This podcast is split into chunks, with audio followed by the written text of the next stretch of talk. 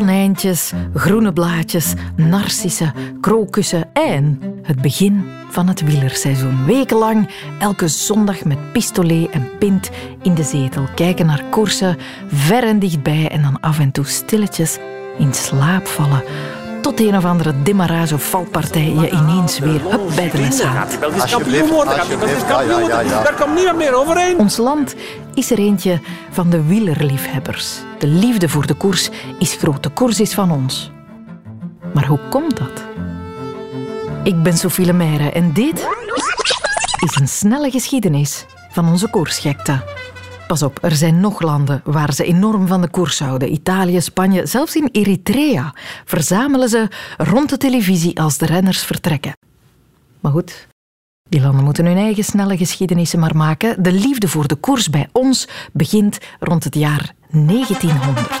Dat vertelde Dries de Zaaitijd. Hij is wielerhistoricus verbonden aan Koers, het museum van de wielersport in Roeselare. Dat is echt een scharniermoment, want op dat moment begint de fiets een instrument worden voor de gewone man. Voordien was het echt iets van, van de elite van de burgerij. Het was duur. De burgerij had tijd ook om, om zich bezig te houden met de fiets. Maar rond 1900 verandert dat. Eh, de burgerij werpt zich in die periode op eh, iets nieuws, op de auto. En eh, in die jaren wordt fiets eigenlijk iets typisch voor, voor de gewone man. De fiets is een, was een transportmiddel om naar de fabriek te gaan, naar het land te gaan. En daaraan gekoppeld gaat die fiets heel snel deel gaan uitmaken van het kermisprogramma, het jaarlijkse kermisprogramma dat uh, in zowat elk Vlaams dorp uh, plaatsvindt, het hoogtepunt van het dorpsleven. En op die manier is er een sterke verbondenheid tussen uh, koers en dorpsleven. En dat raakt heel snel populair. Ja, waarom ook? Omdat de renners die meedoen, die zijn van het dorp. Die zijn eenvoudige jongens, ah, arbeidersjongens. Je kon haast niet niet geïnteresseerd zijn. De koers passeerde gewoon voor je deur. En je maten of je nonkel of je broer, die fietsten mee. En wat al helemaal prikkelend was, af en toe bleek dan een van de jongens van het dorp ook nog eens een geweldig talent te zijn. En wonnen ze koers na koers na koers en zag je ze naar huis komen met grote prijzen in de rugzak. Een grote naam was, was Cyril van Hollaert, iemand uit de streek van Roeselaar. Een eenvoudige arbeidersjongen die start als kermiscoureur, maar eigenlijk doorstroomt naar een groot renner. Hij bent als eerste bag ooit bijvoorbeeld Bordeaux-Parijs en Parijs-Roubaix. En hij verdiende aardig zijn boterham mee. Een uitstekend voorbeeld of een, of een lokmiddel zeg maar, voor andere renners in spe om zich te gaan meten en zich te gaan uh, uiten als renner. De koers was dichtbij, de coureurs waren als vrienden en zelfs de overwinning leek binnen handbereik. Mensen omarmden de koers heel snel.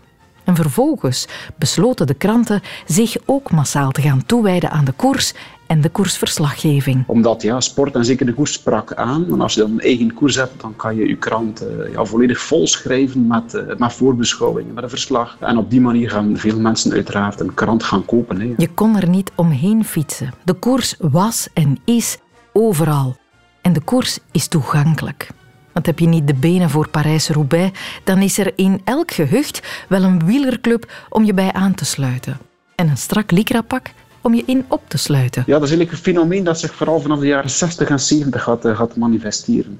En dat heeft een aantal verschillende redenen. En een daarvan, of een enkele ervan, zijn er bijvoorbeeld toenemende bewustwording rond milieuproblematiek, promotie vanuit de overheid ook, om meer te gaan bewegen, meer te gaan fietsen. Um, en op die manier bestaan een aantal, of worden een aantal clubs uh, opgericht die zich vooral gaan toespitsen op ja, wielertoerisme, zeg maar. Uh, elke zondag of elk weekend, dat zie je wel zwermen wielertoeristen op hellingen en wegen. En op terrasjes overal te landen voor een verfrissend drankje, voor en na het ritje.